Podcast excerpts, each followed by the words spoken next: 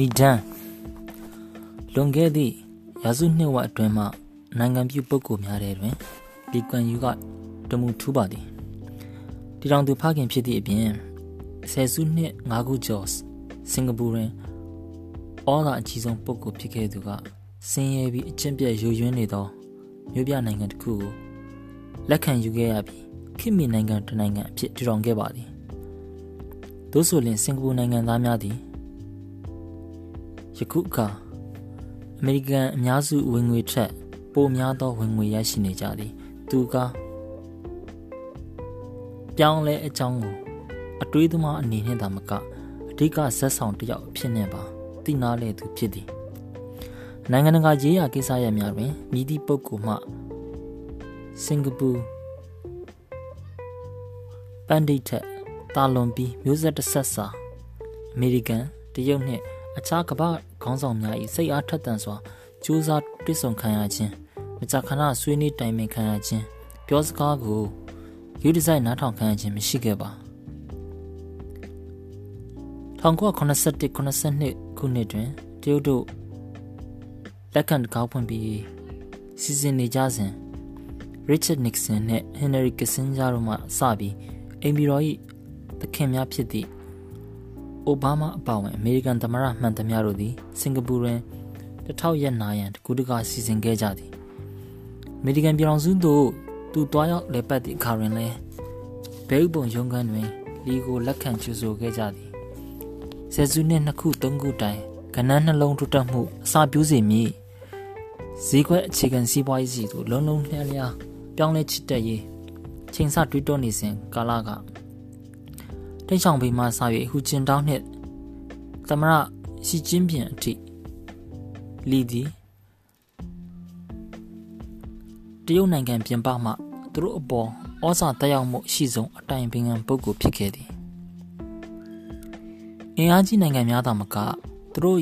ရက်တီရှင်တန်ရေးမှာသူတို့နယ်နိမိတ်များ၏အခြားဘက်စီမှပေါ်ပေါက်လာစေရအလားအလာများကိုနူးနူးကြကြ တတိရှိနေမှုအပေါ်အားကိုးကြသည့်အစ္စရေးကဲ့သို့သောနိုင်ငံငယ်လေးများကပါလီအားအတွေးအမြင်နဲ့စိတ်အားတက်ကြွမှုပေးသည့်အရင်းမြစ်ဖြစ်မှတ်ယူခဲ့ကြသည်။သခင်ကလုံးဝမရှိခဲ့ဘူးသောလွတ်လပ်သည့်နိုင်ငံသစ်တစ်နိုင်ငံ၏ခေါင်းဆောင်ဖြစ်ကုကုကိုကြုံတွေ့လိုက်ရသောအချိန်ကကာဇက်စတန်နိုင်ငံ၏နူးဆူလ်တန်နာဇာဘယက်သည်ညီညွတ်သောအာရပ်စော်ဘွားများနိုင်ငံ၏ ရှိတ်ခါလီဖာဘင်ဇယက်ရဝမ်ဒါနိုင်ငံ၏ပေါ်ကာဂမဲအထိအခြားပုဂ္ဂိုလ်ပေါင်းများစွာစိန်ခေါ်မှုကြီးများနှင့်ကြုံကြရသောခေါင်းဆောင်ပေါင်းများစွာတို့ကလီအားသူတို့၏နိုင်ငံတကာရေးရာစိန်ခေါ်မှုများကိုလမ်းပြကူညီပေးမည့်မြေပုံညွှန်းအဖြစ်မှတ်ယူခဲ့ကြသည်။အီစာအို၏ရည်ရွယ်ခြင်းမှာထိုပုဂ္ဂိုလ်တို့အပေါ်လီ၏အကျိုးဆောင်မှုများကထူးထူးခြားခြားဖြစ်ခဲ့သည့် လွန်ခဲ့သောနှစ်ပေါင်း90ကိုပြန်လှည့်ကြည့်ဖို့မဟုတ်ပါ။ယင်းအစားနောင်ရာစုနှစ်လေးပုံတစ်ပုံတွင်အမေရိကန်ပြည်ထောင်စုရင်ဆိုင်ရမည့်အနာဂတ်နှင့်အတိအကျကြုံတွေ့လာမည့်စိန်ခေါ်မှုများကိုကျွန်တော်တို့စောင်းပေးထားခြင်းဖြစ်ပါသည်။သမရယာရုလက်ခံရန်ကျန်းသစ္စာကျင်းဆိုမည့်ပုဂ္ဂိုလ်လောလောဆယ်စိတ်ဝင်စားဆုံးယူဆမိမိကုန်းများကိုကျွန်တော်တို့တွေးဆထားပါသည်ထို့ပြင် လီကိုရိုင်းပြောဆိုသောစကားလုံးများကိုအတိအကျဆုံးတုံ့ပြန်ဖြေဆိုထားပြီးစူးစမ်းပြီးစုစုံပြထားပါသည်ထို့အဖြေများသည်အမေရိကန်နိုင်ငံသားရေး policy ကိုပုံဖော်ကြမိသူများအတွက်တန်ဖိုးရှိလိမ့်မည်သာမကပိုပြီးကျေပြောသည့်ကဘာကြီးတွင်ထူးထူးခြားခြားအလားအလာများနှင့်ပတ်သက်သည့်၎င်းတို့မျှော်မှန်းချက်များအပေါ်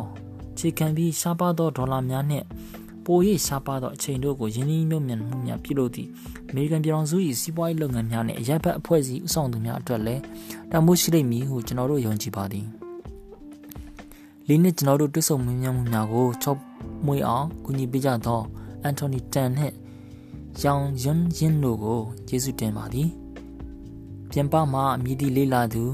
ဆန်းစစ်သူများထက်မဆိုတန်တရားဝန်စရာမလိုတော့အောင်လီက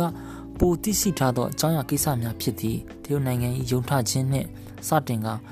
အခန်း၁၀ခန်းမှာအစင်လိုက်တည်ရှိနေပါသည်အမေရိက၏ဥဆောင်အင်အားကြီးနိုင်ငံအနေထားကိုအာရှမှာတစ်ချိန်ချိန်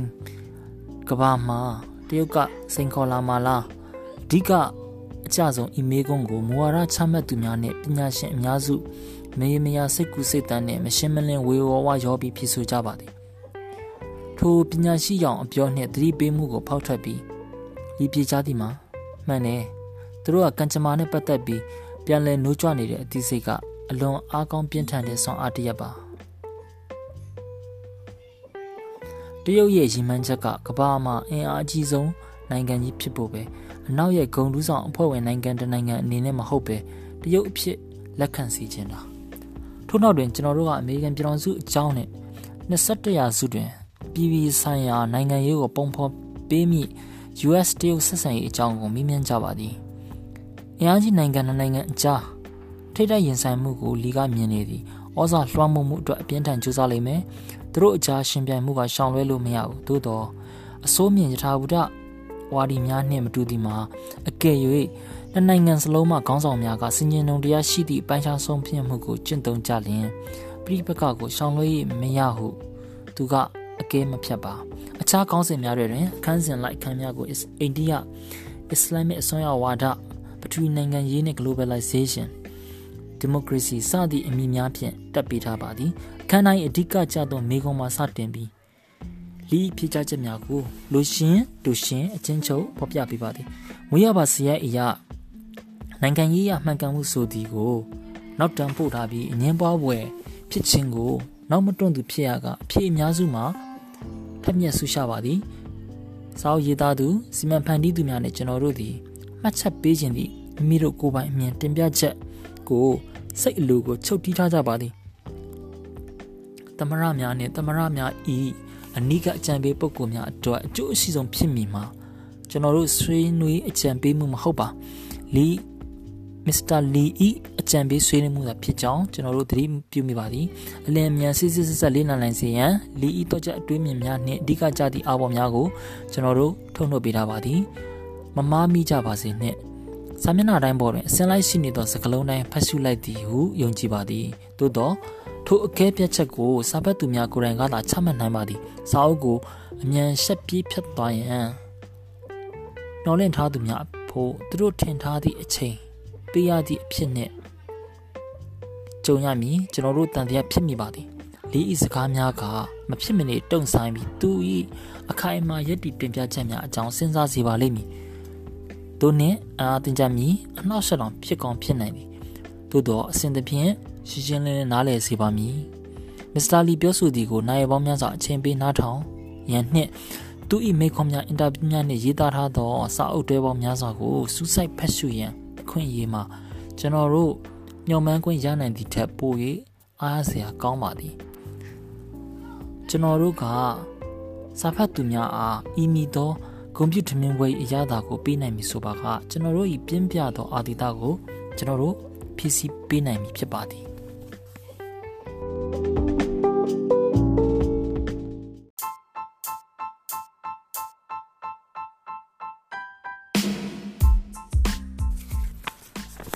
ခန်းတစ်တရုတ်နိုင်ငံအနာဂတ်အမေရိကန်ပြည်ထောင်စုကိုအာရှမှာရောကမ္ဘာမှာပါနံပါတ်1နေရာကဖေရှားရေးကိုတရုတ်ခေါင်းဆောင်များအမှန်တကယ်အလေးထားစဉ်းစားနေကြပါသလားနံပါတ်1အဓိပ္ပာယ်ကပါလေတရုတ်နိုင်ငံ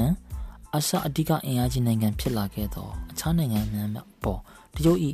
ပြုမှုဆောင်ရွက်ပုံဘယ်လိုပြောင်းလဲသွားမလဲနံပါတ်1ဖြစ်လာရေးအတွက်တရုတ်ဤမဟာဗျူဟာကဘာလဲ မဟာဗျူဟာလက်တွေ့ကျင့်သုံးရေးတွင်အဓိကအတားအဆီးတွေကဘာတွေလဲဒေတာတွင်းနဲ့ဒေတာပြန်ပမှာပါအရေးပါဆုံးအနေဒါရယူပိုင်ဆိုင်ရေးအပေါ်တရုတ်ခေါင်းဆောင်တွေဘလို့အရေးတကြီးစဉ်းစားနေကြပြီလဲတရုတ်နိုင်ငံနံပါတ်1ဖြစ်လာခဲ့သောအာရှမှာအမေရိကန်ရဲ့အခမ်းကဏ္ဍအပြောင်းလဲကိုတရုတ်ခေါင်းဆောင်တွေဘလို့ရှုမြင်ကြမလဲဆယ်စုနှစ်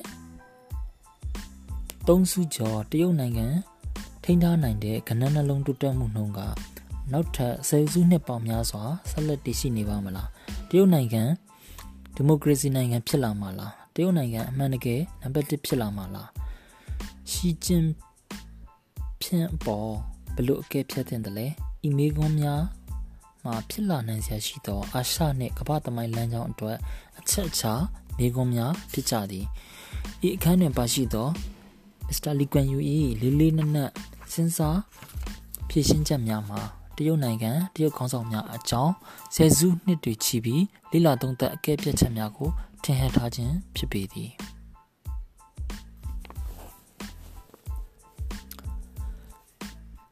အမေရိကန်ပြည်ထောင်စုကိုအာရှမှာရောကမ္ဘာမှာပါနံပါတ်1နေရာဖေရှားပြည်ကိုတရုတ်ခေါင်းဆောင်များအမှန်တကယ်အလေးထားစဉ်းစားနေကြပါသလားစဉ်းစားရတာပေါ့ဘာလို့မစဉ်းစားပဲနေမလဲဆင်းရဲတဲ့ လူဖွဲ့စည်းတစ်ခုကိုသူတို့ကအံ့ဘွယ်တရေစီးပွားရေးနဲ့ပြောင်းလဲပစ်လိုက်တာအခုဆိုရင်ကမ္ဘာမှာဒုတိယ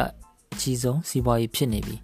Goldman Sachs ရဲ့ကျူတင်ခံမှန်းချက်ရဆိုရင်နောက်အနှစ်20အတွင်းမှာကမ္ဘာအကြီးဆုံးဖြစ်လာမယ်လမ်းကြောင်းတွေရှိနေတယ်အမေရိကန်ကဥဆောင်ခဲ့တဲ့အတိုင်းအကာတာတဲ့လူလွတ်တာဂျုံဂျိုဒူးတွေကိုဒုံးမြန်နဲ့ပစ်ချတာတွေကိုသူတို့လိုက်လုပ်ပြကြတယ်သူတို့ယဉ်ကျေးမှုကနှစ်4000တတန်းရှိတဲ့ယဉ်ကျေးမှုလူဦးရေကလည်း1.3ဘီလီယံ ထူးချွန်တဲ့လူတော်ထိပ်သီးတွေကလည်းအများကြီးရွေးထုတ်ယူစရာပင်ကိုစွမ်းရည်တွေကလည်းအလွန်ထက်အလွန်ကြီးတဲ့အင်အားစုကြီးကလည်းအရန်တဲ့အာရှအဆင့်နောက်တစ်ချိန်ကမ္ဘာအဆင့်နံပါတ်1ဖြစ်ဖို့သူတို့မှာစန္ဒမရှိပဲဘယ်နေမလဲဗျာဒီနေ့တရုတ်နိုင်ငံဟာကမ္ဘာမှာဖွံ့ဖြိုးတိုးတက်တာအမြန်ဆုံးနိုင်ငံ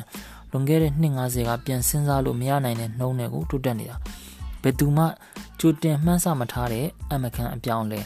တရုတ်လူတွေကသူတို့ရဲ့မျှော်မှန်းချက်တွေစံသားတွေကိုမြင့်ထားလိုက်ကြပြီတရုတ်တိုင်းကအင်အားတောင့်တင်းကျွယ်ဝတဲ့နိုင်ငံတရုတ်နိုင်ငံဖြစ်စေချင်တယ်အမေရိကလိုဥရောပလိုဂျပန်လိုနည်းပညာစွမ်းရည်ရှိပြီးတိုးတက်တဲ့ဥစ္စာဒနာကျွယ်ဝတဲ့နိုင်ငံမျိုးဖြစ်ချင်ကြတယ်ဒီလိုတိုင်းပြည်ကံကြမ္မာနဲ့ပတ်သက်ပြီးပြောင်းလဲနိုးထလာတဲ့အသိစိတ်ကအလွန်အလွန်ကြီးမားတဲ့အင်အားဖြစ်တယ်တရုတ်ကဒီယာစုကိုအမေရိကန်ပြည်ထောင်စုနဲ့နှစ်နိုင်ငံအဆင့်တူအဖြစ်ဝေမျှယူဖို့ဆန္ဒရှိလိမ့်မယ်ကမ္ဘာမှာ ကြီးကျယ်ဆုံးအင်အားကြီးနိုင်ငံဖြစ်ရေးဟာတရုတ်နိုင်ငံရဲ့ရည်မှန်းချက်ပဲဆိုအအလုံးအထူးသဖြင့်အိန္ဒိယနိုင်ငံတွေရဲ့ policy တွေမှာဒီအချက်ကိုထက်တက်ထားကြပြီးဒီဆိုရတွေကကိုယ်အနေထားကိုပြန်ပြင်နေကြရတယ်။ဘာကြောင့်လဲဆိုတော့သူတို့ကတရုတ်ကိုကပြက်ကကပြက်ကရက်လှုပ်လိုက်လို့တရုတ်ရဲ့ပင်မအကျိုးစီးပွားတွေအန်ဒီရရှိသွားတယ်ဆိုရင်နောက်ဆက်တွဲကိစ္စတွေပေါ်လာမယ်ဆိုတော့သိနေကြလို့ပဲ။ဝင်ငွေနဲ့ဝန်နိုင်အားတိုးနေတဲ့တစ်တက်သမ3ဘီလီယံလူလူကြီးရှိတဲ့သူ့ဈေးကွက်နဲ့ ထိတွေ့ခွင့်မပြုတ်ညှင်းပစ်လိုက်ရုံနဲ့စီးပွားရေးပိတ်ဆို့တာကိုတရုတ်နိုင်ငံကအလွယ်တကူလုပ်လို့ရတယ်။အခြားတွန်းသစ်ဆနိုင်ငံတွေနဲ့မတူတာကတရုတ်ဟာတရုတ်နိုင်ငံအဖြစ်နဲ့ပဲလိုချင်တာအနောက်ကဘာရဲ့ဂုံလူဆောင်အဖွဲ့ဝင်နိုင်ငံအဖြစ်နဲ့မဟုတ်ပဲတရုတ်နိုင်ငံအဖြစ်ပဲလက်ခံစေချင်တာနံပါတ်1အဓိပ္ပာယ်ပါလဲတရုတ်ကအာရှအဓိကအင်အားကြီးနိုင်ငံဖြစ်လာခဲ့ရင် တခြားနိုင်ငံတွေပေါ်တရုတ်ရဲ့ပြုမှုဆက်ဆံပုံပြောင်းပြောင်းလဲသွားနိုင်တယ်သူတို့ရဲ့အတွင်းစိတ်အခါမှာရှိနေတာကအဆက်တကွဲအကျိုးနဲ့ဖြစ်ရောက်ခဲ့တဲ့ကိုလိုနီဂျွန်ပြုမှုနဲ့ခေါင်းပြုံခေါင်းပုံဖျက်ခံရတာတွေမတိုင်မီသူတို့ရဲ့ကဘာဖြစ်တယ်တရုတ်ဘာသာစကားရ China ဆိုတာဘဟုမင်းနေပြည်တော်လို့အဓိပ္ပာယ်ရတယ်ဒေတာတွင်းမှာသူတို့ကအင်အားအကြီးဆုံး သူတို့နဲ့ဆက်နွယ်ကြတဲ့နိုင်ငံတွေကလက်ဆောင်ပမာဏနဲ့ဘေကျင်းကိုလာကြရတယ်ဒီလိုကဘာကိုသူတို့ကအောက်မီတန်တာနေတာလွန်ခဲ့တဲ့နှစ်ပေါင်း400တုန်းကပိုးတဲ့လက်ဆောင်ပနာတွေလာဆက်နေတဲ့ဘရူနိုင်းစော်ဘွားကအဲ့ဒီမှာတည်ဆုံးသွားတာအခုဘေကျင်းမှာသူ့တင်ချိုင်းကိုရှိတယ်စက်မှုထွန်ကားပြီးအင်အားတောင့်တင်တဲ့တရုတ်နိုင်ငံအရှိတောင်ရှာအပေါ်1945ခုနှစ်တည်းကပျော့ပျော့ပြောင်းပြောင်းရှိခဲ့တဲ့အမေရိကန်ပြည်ထောင်စုလိုပျော့ပြောင်းမှုရှိပါမလားစင်ကာပူအတွက်တော့မသေးကြဘူး ဘရူနိုင်းအင်ဒိုနီးရှားမလေးရှားဖိလစ်ပိုင်ထိုင်းဗီယက်နမ်တို့အတွက်လည်းဒီအတိုင်းပဲကိုကိုကိုယုံကြည်စိတ်ကဲပြီးကြန့်ခိုင်မှကြောနေတဲ့နေရာအဆင့်တန်းရကျင်စိတ်ပြင်းပြနေတဲ့တရုတ်နိုင်ငံကိုကျွန်တော်တို့မြင်နေကြရပြီအမေရိကရဲ့စိုးရင်ပူပန်မှုကတော့တရုတ်ကသူ့ထက်သားတဲ့နိုင်ငံတွေနဲ့ရှင်ပြိုင်နိုင်စွမ်းရှိလာတဲ့အခါသူတို့ဘယ်လိုကဘာမျိုးနဲ့ရင်ဆိုင်ရမလဲဆိုတဲ့အချက်ပဲအာရှကအလက်စားနဲ့အသေးစားနိုင်ငံတွေလည်းစိုးရင်ကြတာပဲ လွန်ခဲ့တဲ့ရာစုနှစ်တွေတုန်းကရှိခဲ့တဲ့အလေးထားတိုင်းတရုတ်ကိုပနာဆက်ရတဲ့လောက်ခံနိုင်ငံတွေလိုဆက်ဆံရတဲ့အဖြစ်မျိုးကြုံလာမလားရှေးရာစုနှစ်တွေကရခဲ့တဲ့အင်ပါရာရှင်အဆင့်မျိုးတရုတ်ကပြန်ရချင်နေမလားဆိုပြီးပူပန်နေကြရတယ်အရှိန်ဝါပိုကြီးလာပြီဆိုတော့သူတို့ကစင်ကာပူနိုင်ငံသားတွေကိုတရုတ်နိုင်ငံအပေါ်ပို့ပြီးလီလီဆဆာရှိစေချင်ကြတယ်သူတို့ကကျွန်တော်တို့ကိုပြောတာပဲနိုင်ငံက ကြီးကြီးငယ်ငယ်အထူပါပဲကျွန်တော်တို့ကပိုကြဆူမိုးသူတွေမဟုတ်ပါဘူးလို့ဒါပေမဲ့ကျွန်တော်တို့ကသူတို့ကိုသဘောမကျတာတခုခုလုံးမိပြီဆိုရင်တော့ခင်ဗျာ1.3ဘီလီယံလူလူကြီးကိုစိတ်အနှောက်အယှက်ဖြစ်အောင်လုပ်လိုက်ပြီခင်ဗျားတို့ကိုအစင်ကိုနားလဲချစမ်းပါလို့ပြောမှာနံပါတ်1ဖြစ်ရအတွက်တရုတ်ရဲ့မဟာဗျူဟာကဘာလဲတရုတ်ကသူတို့ရဲ့အကောင်းဆုံးမဟာဗျူဟာကအင်အားတောင့်တင်းပြီးချမ်းသာကြွယ်ဝတဲ့ အနာဂတ်တည်ဆောက်ရေးဖြစ်တယ်လို့ဆုံးဖြတ်သတ်မှတ်လိုက်ပြီတခြားနိုင်ငံတွေအားလုံးထက်ပိုပြီးတည်ဆောက်ပိုပြီးရောင်းချနိုင်အောင်သူတို့ရဲ့ကြီးမားလာတဲ့တိုးပွားနေစေအစင်းမြင့်ကျွမ်းကျင်အစင်းမြင့်ပညာတတ်အလုပ်သမားတွေကိုအသုံးချနေကြတယ်အမေရိကန်ပြည်ထောင်စုနဲ့ဆက်ဆံရေးဆိုရစီမယ်လုပ်ရမှန်သမျှကိုသူတို့ရှောင်မယ်ပိုတောင့်တင်းပြီးနိပညာရအင်အားတလွန်ကြီးမားတဲ့အမေရိကလိုစူပါနိုင်ငံမျိုးကိုစိန်ခေါ်လိုက်ရင်သူတို့ရဲ့ငြိမ်းချမ်းစွာယုံထားခြင်းကချုပ်ငြိမ်းသွားမယ်မဟာအင်အားကြီးနိုင်ငံများပေါ်ထွန်းလာခြင်း တရုတ်တယ်လီဗီရှင်းအခန်းဆက်တင်ပြချက်တွေက idea နဲ့ကိုက်ညီတဲ့နီလန်ကိုတရုတ်နိုင်ငံကလဲလာကျင့်သုံးတယ်တရုတ်ထိပ်သီးပညာရှင်တွေကြားမှာမဟာဗျူဟာကိစ္စဆွေးနွေးစရာဖန်တီးပေးတဲ့အနေနဲ့ပါတီကဒီအစီအစဉ်ကိုထုတ်လွှင့်တာဂျာမနီနဲ့ဂျပန်ရဲ့အမှားကတီဇဲစနစ်ကိုအန်တုဖို့ကြိုးစားခြင်းပဲတရုတ်ကမအားဘူးရဒီအမှားကိုရှောင်တယ်အင်အားကြီးမှုကိုတန်းတရာမှာအရေးကြီးတာကတူးချင်း GDP မဟုတ်ဘူးစုစုပေါင်း GDP ပြည်တွင်းထုတ်ကုန်စုစုပေါင်းတန်ဖိုး စစ်ရေးစွမ်းရည်ရဆိုရင်အမေရိကရဲ့အဆင့်ကိုတရုတ်ကမကြခင်ကာလအတွင်းဘယ်နည်းမှရောက်မှာမဟုတ်ဘူးဒါပေမဲ့အမေရိကရဲ့စစ်ရေးပါဝါကိုဟန်တားနိုင်တဲ့အချိုးမညီနီးလန်းတွေကိုအမြန်ဖွံ့ဖြိုးအောင်လုပ်နေတယ်သူ့နိုင်ငံတွင်တိုးတက်မှုကစွမ်းအင်တွေကုန်ကျန်းတွေစားနပ်ရိက္ခာတွင်သွင်းမှုပေါ်မိခိုနေရတယ်ဆိုတော့တရုတ်ကသိတယ်တရုတ်နိုင်ငံအတွက်ပင်လယ်ရေကြောင်းလမ်းတွေအတားအဆီးမရှိပွင့်နေဖို့လိုအပ်တယ်။ပီကျင်းဟာမလကာကြီးလက်ကြားပေါ်အမိတဲ့ပြုတ်နေရတာကိုစိုးရိမ်ပူပန်နေပြီး ဒီလိုမိခိုနေရတာတွေကိုဖြေလျှော့နိုင်အောင်လှုပ်ရှားနေတယ်။အမိလိုက်ဖို့သူတို့စနစ်ကိုထူထောင်ဖို့တရုတ်ကွန်မြူနစ်စနစ်ကနေဈေးကွက်စီးပွားရေးစနစ်ကိုပြောင်းဖို့ဆိုရင်ဒီငြိမ်အေးချမ်းတဲ့နှစ်တွေနှစ်30 40တာမကအနှစ်50အထိတောင်လူကောင်းလူလိမ့်မယ်လို့တရုတ်ကတွက်ထားတယ်။ဂျာမနီနဲ့ဂျပန်လုပ်ခဲ့တဲ့အမှားမျိုးကိုရှောင်မယ်။ ဩဇာအာဏာတဘာဝအရှင်းမြစ်တွေအတွက်ဒီနိုင်ငံတွေရဲ့ရှင်ပြန်မှုကလွန်ခဲ့တဲ့ရာစုနှစ်တွင်မှာကြောက်မက်ဖွယ်စစ်ချီနကူကိုဥတည်ခဲ့တယ်။ရုရှားတွေအမှားကတော့စီအတုံးစီတဲ့ကိုအလွန်ကျွန်းပုံအောထည့်ပြီးအရက်ဘက်ဆိုင်ရာနီးပညာဘက်မှာမဖြစ်စလောက်သုံးတာပဲဒီတော့သူတို့စီးပွားရေးပြိုကျသွားတယ်အမေရိကန်နဲ့လက်နက်တပ်ဆင်ရေးမှာပြိုင်မယ်သူတို့ရှုံးမယ်ဆိုတော့တရုတ်ကောင်းဆောင်မှန်ကတီးပြီးဖြစ်လိမ့်မယ်လို့ကျွန်တော်ယုံကြည်တယ်ဒါကကိုကိုကိုမွေးပြကြအောင်လုပ်တာ အဲ့ဒီတော့ဒါကိုရှောင်းအနှစ်40 50လောက်ခက်ရှူရှူနေပြီးပြုံးပြထားရှင်ပြိုင်နိုင်စွမ်းရှိလောက်အောင်သိပ္ပံနဲ့နည်းပညာနောက်ပြီးစီးပွားရေးပညာစီးပွားရေးလုပ်ငန်းစီမံခန့်ခွဲမှုနဲ့အင်္ဂလိပ်ဘာသာစကားအတွက်အတော်ဆုံးတွေရွေးပြီးသူတို့လူငယ်တွေကိုပညာသင်စေတဲ့လုပ်ငန်းကိုတရုတ်ကအာရုံစိုက်နေတယ်ငင်းချမ်းစွာဖူထခြင်းအတုံးလုံးနဲ့ပတ်သက်ပြီးသူတို့ရဲ့အကြံပေးသူခမင်အဖွဲ့ဝင်တူကိုကျွန်တော်ပထမဆုံးထောက်ပြပြောဆိုလိုက်တာကဒီလို ဒီသုံးလုံးမှာအဓိပ္ပာယ်ချင်းကဆန့်ကျင်နေတယ်ဘယ်ယုံထားမှုမှမဆိုလှုပ်လှုပ်ရှားရှားချောက်ချောက်ချာချာဖြစ်တတ်တာမျိုးဗျဒီတော့သူတို့ကခင်ဗျဘလို့သုံးစီခြင်းလဲလို့ပြောတယ်ငင်းချမ်းစွာပြန်လဲစမ်းသစ်ခြင်းငင်းချမ်းစွာဆင့်ကဲပြောင်းလဲခြင်းငင်းချမ်းစွာဖွံ့ဖြိုးတိုးတက်ခြင်းလို့ကျွန်တော်ကပြောပြတယ်ရှစ်ခစ်ကဂုံတီကိုပြန်ဆယ်ခြင်းတစ်ချိန်ကကြီးကျယ်လာတဲ့ယဉ်ကျေးမှုခင်မီအောင်ပြန်လဲမွမ်းမံခြင်းပေါ့ဗျာ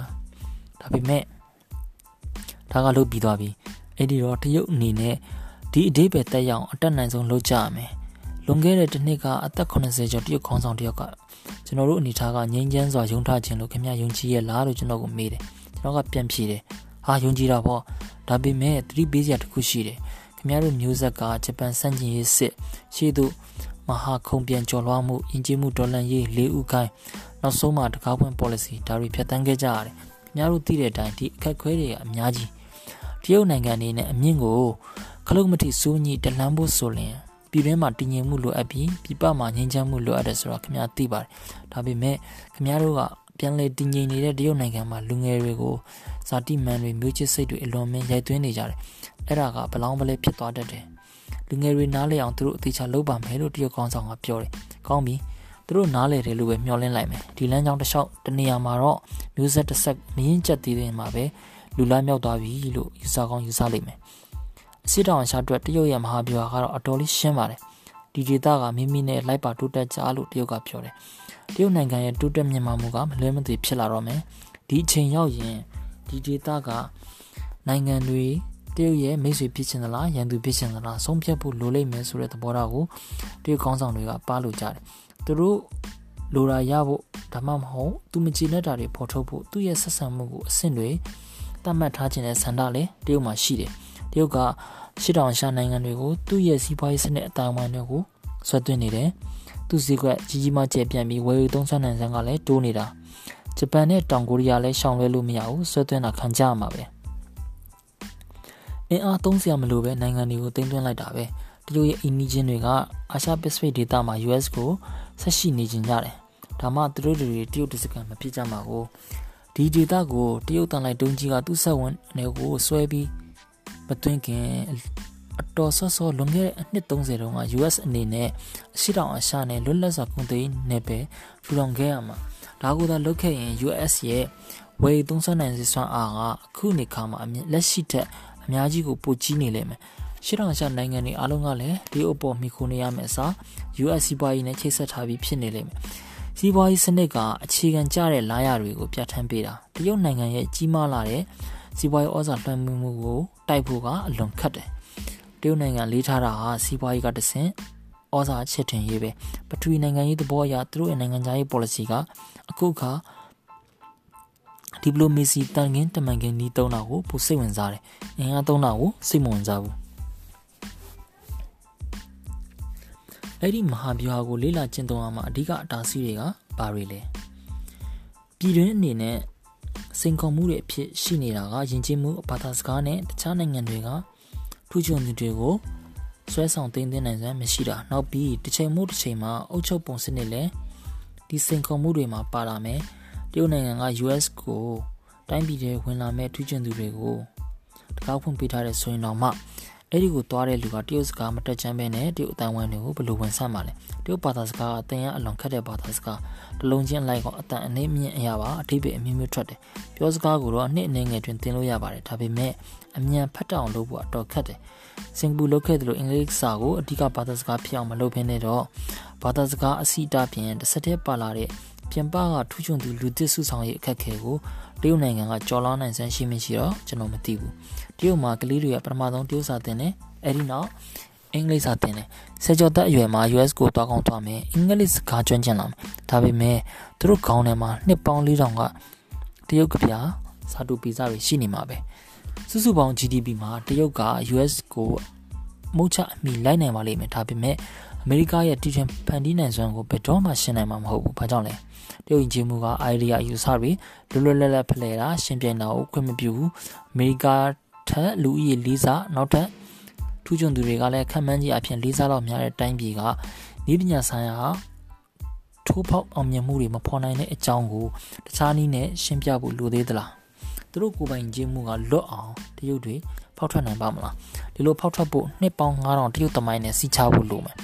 ဘိုးမင်းနေပြီးတော့အင်အားတောင့်တင်ရင်တိုင်းပြည်ကြီးဝါချမ်းသာတယ်ဘိုးမင်းနေပြီးအင်အားချင်းနေအေဂရစ်ကအဝေးမှာရှိတယ်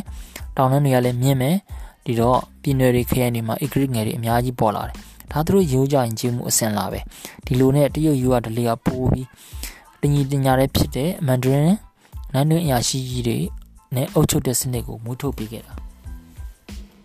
တရုတ်ကောင်းဆောင်တွေမှာရှိနေတဲ့တကယ်အကြီးဆုံးအကြောက်တရားကအဂရိလိုက်စားမှုရဲ့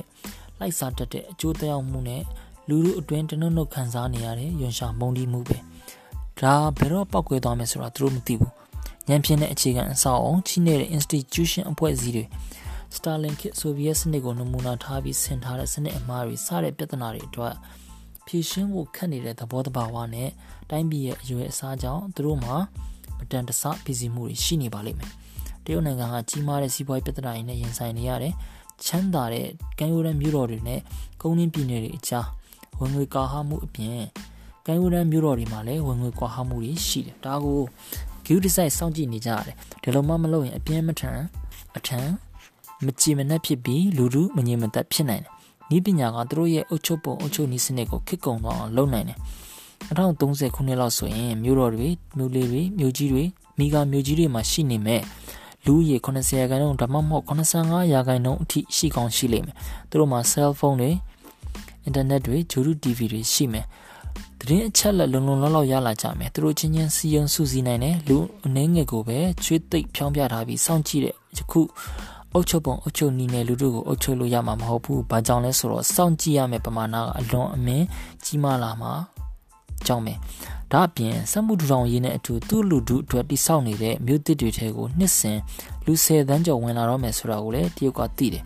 သူတို့လုံနေကြအတိုင်းအဒီကယုံတွေဖြစ်ခွင့်မပေးအုံကြောက်မှုတွေဖြစ်ခွင့်မပေးပဲလုံခြုံရေးကိုတင်းတင်းကြပ်ကြပ်ထိန်တစ်ချိန်တည်းမှာပြည်내လုတ်ပိုင်ခွင့်တွေပို့ပေးမြို့တော်တွေလုတ်ပိုင်ခွင့်ပို့ပေးအောက်ခြေကိုအာဏာပို့ပေးပြီးဖြေလျှော့မှုတွေလုပ်ဒီလိုလက်တွေ့ကျတဲ့နည်းတွေနဲ့ပြောင်းလဲမဆိုရင်အခြေအနေကိုထိန်းထားလို့ရမယ်အင်ပါရာကြီးဖြစ်ခဲ့တဲ့အချိန်တုန်းကတရုတ်နိုင်ငံကတခြားဒေသတွေအတွက်စိတ်ပူစရာမလိုပါဘူးဒီခေတ်မှာတော့တခြားဒေသတွေကပါပူကြရတယ်။ ဘာကြောင့်လဲဆိုတော့တဘာဝအရင်မြစ်တွေရေနံတွေနီကယ်တွေနဲ့တခြားအလားတူပစ္စည်းတွေမရရင်တရုတ်ရဲ့ဖွံ့ဖြိုးတိုးတက်မှုကရပ်သွားမယ်။လက်ရှိတရုတ်နိုင်ငံရင်ဆိုင်နေရတဲ့အလွန်တိုးတက်နေတဲ့မြောက်အမေရိကဥရောပဂျပန်နဲ့အတော်လေးဖွံ့ဖြိုးလာတဲ့အရှေ့တောင်အာရှနဲ့အိန္ဒိယဒီကနေ့ကနေနှစ်30တွင်ရှိမဲ့တရုတ်ခေါင်းဆောင်တွေတွင်ဟာ2050ခုနှစ်အတွင်းမှာ GDP အမျိုးသားထုတ်ကုန်စုစုပေါင်းအတရုတ်နိုင်ငံကမ္ဘာအကြီးမားဆုံးစီးပွားရေးဖြစ်လာတော့လဲပဲ တူဦးချင်းထုတ်ကုန်အရာတီးငယ်နေစေဤပညာရလဲနောက်ကျနေစေဖြစ်တယ်ဆိုတာသိလာကြလိမ့်မယ်ဒီတော့ဒီနေရာကိုရောက်ဖို့သူတို့မှာတကယ်အဖြစ်မှန်သဘောတည်တဲ့အသိစိတ်ရှိဖို့လိုမယ်ဘယ်ဟာကတော့ဖြစ်နိုင်တယ်ဘယ်ဟာကတော့မဖြစ်နိုင်ဘူးထက်ထက်မြက်မြက်သိနေတဲ့စင်ကာပူခေါင်းဆောင်တွေလိုဖြစ်နေရမယ်အာရှကိုလွှမ်းမိုးရေးဟာမဖြစ်နိုင်ကြောင်းသူတို့သိရမယ်ဒီလိုထူးခြားတဲ့စင်ကာပူတွေကနေတကြောင်တိုက်ဂျူတင်ခန့်မှန်းတာတွေကလည်းတကယ်မှန်တာမဟုတ်ဘူး အကဲဖြတ်သမားတွေအများစုလက်ခံနားလည်ထားတာထက်တရုတ်နိုင်ငံကရှေ့ကိုတက်လှမ်းရေးမှာအခက်အခဲတွေဖြည့်ရှင်းစရာအတားအဆီးတွေပိုများတယ်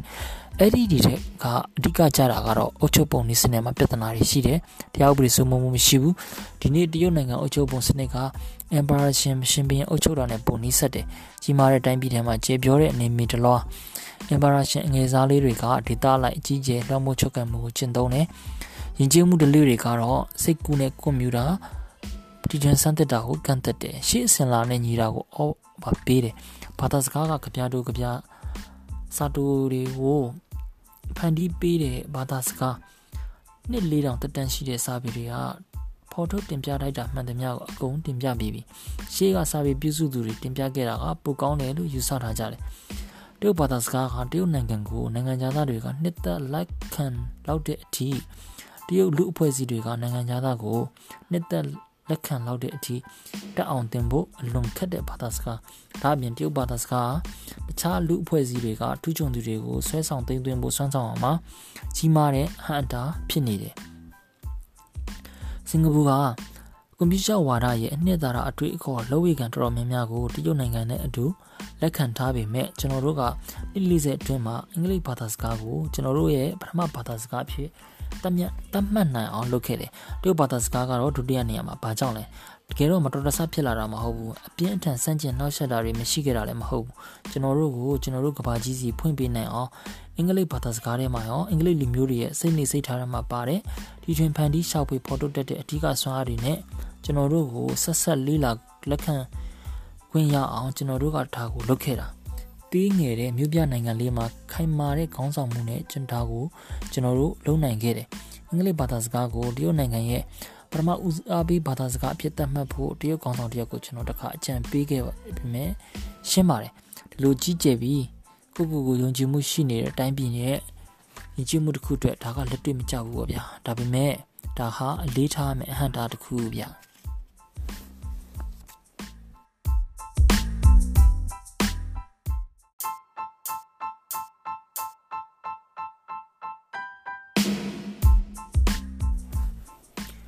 ဒေသတွင်းနဲ့ဒေသပြင်ပမှာအရေးပါဆုံးအနေထားရယူပိုင်ဆိုင်ရေးအပေါ်တရုတ်နိုင်ငံခေါင်းဆောင်တွေဘလို့ရည်တကြီးစဉ်းစားနေကြပြီလဲ US ကိုကမ္ဘာနံပါတ်1အင်အားကြီးနိုင်ငံဖြစ်ကနေဖယ်ရှားပြီးအဲ့ဒီယာဒုနဲ့တပါးတည်းဖြစ်တဲ့တာဝန်ကိုရယူဖို့တရုတ်တွေကအလင်းလိုကြပါဘူးအခုဆိုရင်သူတို့အမြင်ကိုအရေးတယူရှိပြီးသူတို့အစည်းအဝေးအကျိုးမြတ်တွေကလည်းအကာအကွယ်ရထားတဲ့ G20 လို့အုပ်စုကြီးထဲမှာအဖွဲ့ဝင်အဖြစ်နဲ့အတော်ကိုဟန်ကြနေတာဒါပေမဲ့တာဝန်ကြတော့အဖွဲ့ဝင်နိုင်ငံ20နဲ့အများ မျှထမ်းရတယ်။ဩဇာအာဏာမြင့်မာအောင်တိဆောက်ဖို့ဒီအစင်တန်းနဲ့တပါးလေးဖြစ်တဲ့လီဆောင်မှုကိုရဖို့ရရှိတဲ့အစင်တန်းတိုင်းကျင့်သုံးဖို့တရုတ်နိုင်ငံအမြန်လှုပ်ရှားရေးတောင်းဆိုတဲ့သဘောထားဆန္ဒတွေရှိတယ်ဆိုတာကို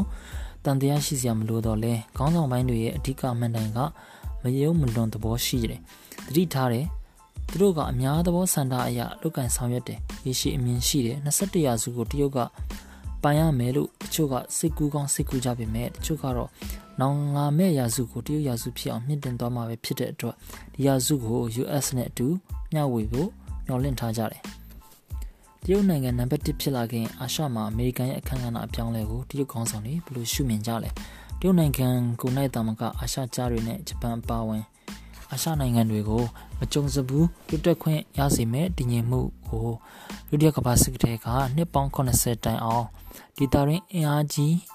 နိုင်ငံဖြစ်နေ US ကဆောင်ကျင်းပေးခဲ့တာကိုတရုတ်ခေါင်းဆောင်ဘဏ်ကအတိမတ်ပြုတယ် US ဈေးကွက် US နည်းပညာအပြင်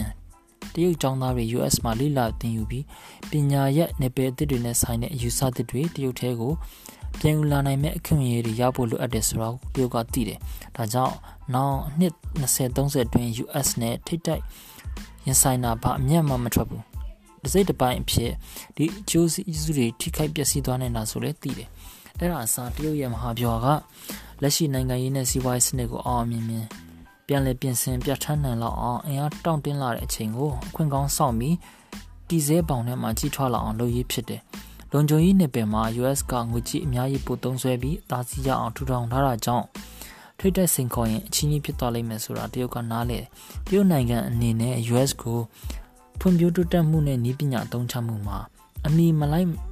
နိုင်မချင်း US နဲ့စီးရရရင်ဆိုင်ရေးကိုမျှော်မှန်းလို့မရနိုင်ဘူးအမေရိကန်တွေကတရုတ်နိုင်ငံကိုဘာအတွက်တိုက်ကြမှာလဲအရှေ့အာရှကိုထိန်းချုပ်ဖို့လားတရုတ်တွေကအရှေ့အာရှကိုတိုက်ဆရာမလိုပါဘူး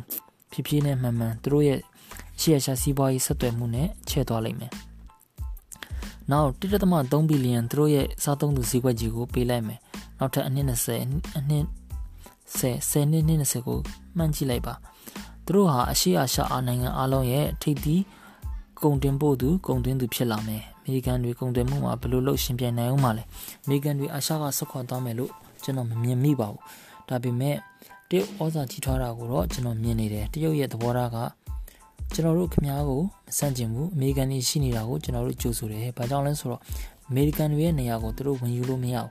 အမေရိကန်တွေကိုဒီမှာရှိနေတဲ့နိုင်ငံတွေကလိုလားတယ်ဆိုတာလေသူတို့ကသိတယ် ဒါကြောင့်သူတို့ကအင်အားမွေးပြီးစောင့်နေလိုက်မယ်စီးပွားရေးအရာရောစီးရေးအရာပါနှစ်ပေါင်း100အတွင်းဒီပညာရာမှာသူတို့အမိလိုက်နိုင်စရာအကြောင်းမရှိဘူးဒါပေမဲ့အချိုးမငြင်းနည်းနဲ့အမေရိကန်တွေကိုသူကြီးကျယ်ထိခိုက်ပျက်စီးအောင်လုပ်နိုင်တယ်ဆယ်စုနှစ်သုံးစုကျော်ထိန်းထားနိုင်တဲ့ကဏ္ဍနှလုံးထူတက်မှုနောက်နောက်နှစ်ရာဆယ်စုနှစ်ပေါင်းများစွာဆက်လက်တည်ရှိနေပါမလားလွန်ခဲ့တဲ့ဆယ်စုနှစ်သုံးစုအတွင်းတရုတ်နိုင်ငံစီးပွားရေး တစ်နှစ်10ရာခိုင်နှုန်းကျော်အော်လောက်တဲ့နှုန်းနဲ့တိုးတက်ခဲ့တယ်။တခါတရံ12ရာခိုင်နှုန်းတော့ကျော်တယ်။ဒီလိုမြင့်တဲ့နှုန်းတွေတရုတ်က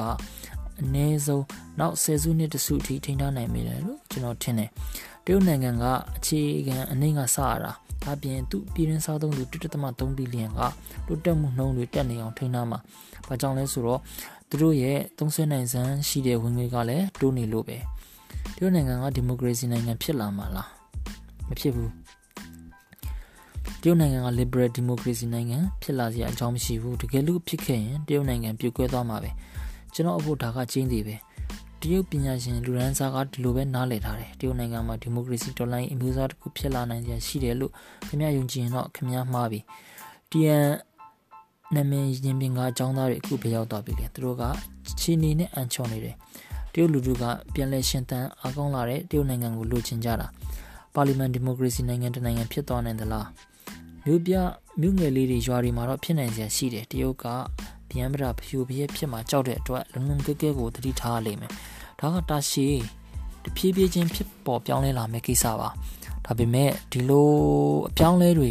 ဖြစ်လာနိုင်စရာရှိတယ်လို့တွေးမယ်ဆိုရင်လည်းတွေးလို့ရပါတယ်တည်ယူပို့ဆောင်ရေးနဲ့ဆက်သွယ်ရေးစနစ်တွေကအများကြီးမြန်ပြီးစေးသက်တာပြီတရုတ်လူတို့ဟာခီးသွားရကတဆင့်အင်တာနက်ကတဆင့်စမတ်ဖုန်းကတဆင့်တ ခြားစနစ်တွေနဲ့ယဉ်ကျေးမှုတွေနဲ့ထိတွေ့မိပြီးတခြားလူအဖွဲ့အစည်းတွေအကြောင်းသိလာကြမယ်တခုသိကြတာကတော့လက်ရှိစနစ်ကနောက်အနှစ်90မှာမပြောင်းမလဲပဲရှိနေမှာတော့မဟုတ်ဘူးတရုတ်နိုင်ငံခင်မီပြင်းပြပြောင်းလဲအောင်မြင်ဖို့အတွက်လူတကူစန္ဒမဲတမဲပါတီစုံစနစ်နဲ့ဒီမိုကရေစီကလွယ်ရင်ဘယ်နီးလန်းကိုမဆိုတရုတ်ခေါင်းဆောင်တွေကစမ်းကြည့်ဖို့အစဉ်သင့်ပဲသူတို့ရဲ့အဓိကအကြောင်းပြချက်နှစ်ချက်ကတည်ငြိမ်မှုကို အာမခံနိုင်ဖို့နဲ့အာဏာကိုတရုတ်ကွန်မြူနစ်ပါတီကလက်ဝကြီးအုပ်ချုပ်ကန်ထားရမယ်ဆိုတဲ့ယုံကြည်ချက်ဒါအပြင်အားလုံးလွတ်လပ်ခွင့်ပေးထားတဲ့ပါတီစုံစနစ်ကပြည်내တွေအပေါ်ပဘိုးကချုပ်ကန်မှုဆုံးရှုံးရတဲ့အဖြစ်ရောက်ပြီး1920 1930ပြည့်နှစ်တွေတုန်းကစစ်ပြည်တွေကြီးစိုးတဲ့နှစ်တွေလိုကြောက်မက်ဖွယ်အကျိုးဆက်နဲ့မတည်မငြိမ်ဖြစ်မဲ့အရေးကိုအလွန်မင်းစိုးရင်ရမှုသူတို့အတိတ်နဲ့လုံးဝဆက်ဆက်မှုမရှိပဲလုံးဝစိမ့်နေတဲ့ စံတွေကိုတခြားနိုင်ငံတွေအပေါ်ချမှတ်ပေးရမယ်လို့ကျွန်တော်တို့မယုံကြည်ဘူးဒီတော့တရုတ်နိုင်ငံကဒီမိုကရေစီနိုင်ငံဖြစ်လာမှာလားဆိုတဲ့မေးခွန်းကတမိုင်းမှတ်တမ်းတင်ထားတဲ့နှစ်ပေါင်း9000ကာလအတွင်းဦးစားပြုဥယေခေါင်းတွေကိုဘယ်တော့မှချီတက်ခဲ့တာမဟုတ်ဘူးအုပ်စုသူအလုံးရဲ့အင်ပါရာပြည့်ရှင်ဧကရစ်ဖြစ်ခြင်းရဲ့ရပိုင်ခွင့်ရအုပ်စုခဲ့ကြတာကယ်၍ခမမကျေနပ်ဘူးဆိုရင်ကိုစားပြုအရေးအတွက်ခေါင်းတွေကိုရေးတက်မနေနဲ့ခေါင်းတွေပဲဖြတ်ပြီးတော့ ဒါပေမဲ့ဂျိုရုတွေချက်ချင်းဆက်သွယ်လို့ရတဲ့စနစ်တွေရှိနေတဲ့ဒီကဘာကြီးမှာရရဆက်ဆက်ကြမ်းကြမ်းကြိုးကြိုးအပြုမှုတွေပြုလို့မရဘူးဒါပြည်ရင်းကြီးပဲပြောလို့မရဘူးဆိုတာကျွန်တော်သဘောတူပါတယ်ဒါပေမဲ့အခုလူခွင့်ရေးအကြောင်းသူတို့စပြောလာပြီးကမ္ဘာအတန်းဝိုင်းမှာသူတို့ကိုလေးစားချေခြင်းနဲ့ဆိုရင်ဖွံ့ဖြိုးပြီးနိုင်ငံတွေတာမကဖွံ့ဖြိုးစေနိုင်ငံတွေကပါအကျုံးဝင်တဲ့ကြံကမ္ဘာအစိတ်ပိုင်းအတွင်းအဆင့်အတန်းတစုံတရာပိုင်ဆိုင်ခြင်းနဲ့ဆိုရင်ကိုပြည်သူတွေအပေါ်ရက်ဆက်ကြမ်းကြုတ်တဲ့ပုံစံနဲ့ ပြုမှုဆက်ဆံလို့မရတော့ဘူးဆိုတော့သူတို့လက်ခံလာကြပြီခိမီနိုင်ငံတနိုင်ငံကိုစီမံခန့်ခွဲဖို့တရားဥပဒေစိုးမိုးရေးလိုအပ်တယ်ဆိုတာတရုတ်နိုင်ငံသိသွားပြီ2035ခုနှစ်အမီကြကြပြင်းပြင်းလွှမ်းခြုံမှုရှိတဲ့တရားဥပဒေဆိုင်ရာကျင့်ဝတ်စည်းကမ်းတွေရှိထားပြီးရှင်းလင်းပြတ်သားတဲ့စီမံအုပ်ချုပ်ရေးစည်းမျဉ်းတွေတပါးတဲ့တည်ငြိမ်တဲ့ဥပဒေရေးရာစနစ်ကဘဟိုရဲ့ဩဇာအာဏာအမှန်တကယ်အားကောင်းစေတယ်ဆိုတာသိသွားပြီအမှားကျူးလွန်တဲ့ပြည်နယ်နဲ့ဒေသအစိုးရတွေကိုအရင်လုံနေကြအ တော်မသက်ညှိနှိုင်းဆွေးနွေးရတာတွေထက်ပိုထိရောက်တဲ့နည်းလမ်းဖြစ်တဲ့ဥပဒေလှုပ်ထုံးလုပ်နည်းနဲ့အညီစစ်စစ်အရေးယူတယ်တရားဥပဒေစိုးမိုးမှုနဲ့တာမန်ပြည်သူတွေကိုလည်းရရှိတွေရဲ့ထင်ရဆိုင်အာဏာပြတာတွေကနေအကာအကွယ်ပေးထားနိုင်ပြီစီးပွားရေးလုပ်ငန်းတွေကလည်းကြီးမားတဲ့ရင်းနှီးမြှုပ်နှံမှုတွေကိုစီစဉ်နိုင်တယ်လွတ်လပ်တဲ့တရားစီရင်ရေးအောင်မြင်ဖြစ်ထွန်းဖို့အတွက်ကတော့နောက်ထပ်အနည်း20လောက်ကြာအောင်မယ်။ဘာလို့လဲဆိုတော့တမိုင်းအစဉ်လာရတရားသူကြီးတွေဟာ ဧကရရဲ့အရာရှိတွေဖြစ်တဲ့အတွက်ဧကရရဲ့အမိန့်တွေကိုအကောင့်ထဲပေါ်ဆောင်ရွက်ပေးဖို့လိုအပ်တယ်လို့တရုတ်အရာရှိလောကမှာနက်နက်ရှိုင်းရှိုင်းအမြင့်တွေဆွေးမြင့်နေတဲ့အတွက်ကြောင့်ပဲတရုတ်နိုင်ငံအမှန်တကယ်နံပါတ်1ဖြစ်လာမလားကြီးမားတဲ့အာသာချက်ကစီးရေးဩဇာမဟုတ်ဘူးစီးပွားရေးဩဇာမှရှိတာစီးပွားရေးအရာဘယ်ဒေတာမဆိုပစ္စည်းကိုဈေးပိုတက်တောင်လုပ်ပေးနိုင်တဲ့လူအင်အားသူတို့မှရှိတယ်သူတို့ရဲ့ဒီဩဇာသာလင်အမေရိကရဲ့ဆွမ်းဆောင်ရည်ထက်ကျော်ပြီး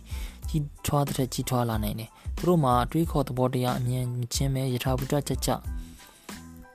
လက်တွေ့ဆန်တဲ့ခေါင်းဆောင်တွေရှိတယ်ဆိုရင်တရုတ်နိုင်ငံမှားသွားနိုင်တဲ့အခွင့်အလမ်းက၅ပုံမှတစ်ပုံပဲရှိတယ်လုံးဝမရှိဘူးလို့မပြောဘူးเนาะ။ဘာကြောင့်လဲဆိုတော့သူတို့ပြဿနာတွေကအစနစ်အပြောင်းလဲစီးပွားရေးလုပ်ငန်းအချင်းတလိအပြောင်းလဲမတမာမှုရှော့ချရေးနဲ့စိတ်နေသဘောထားတွေထူထောင်ပြီးစတဲ့လေးနက်တဲ့ပြဿနာတွေ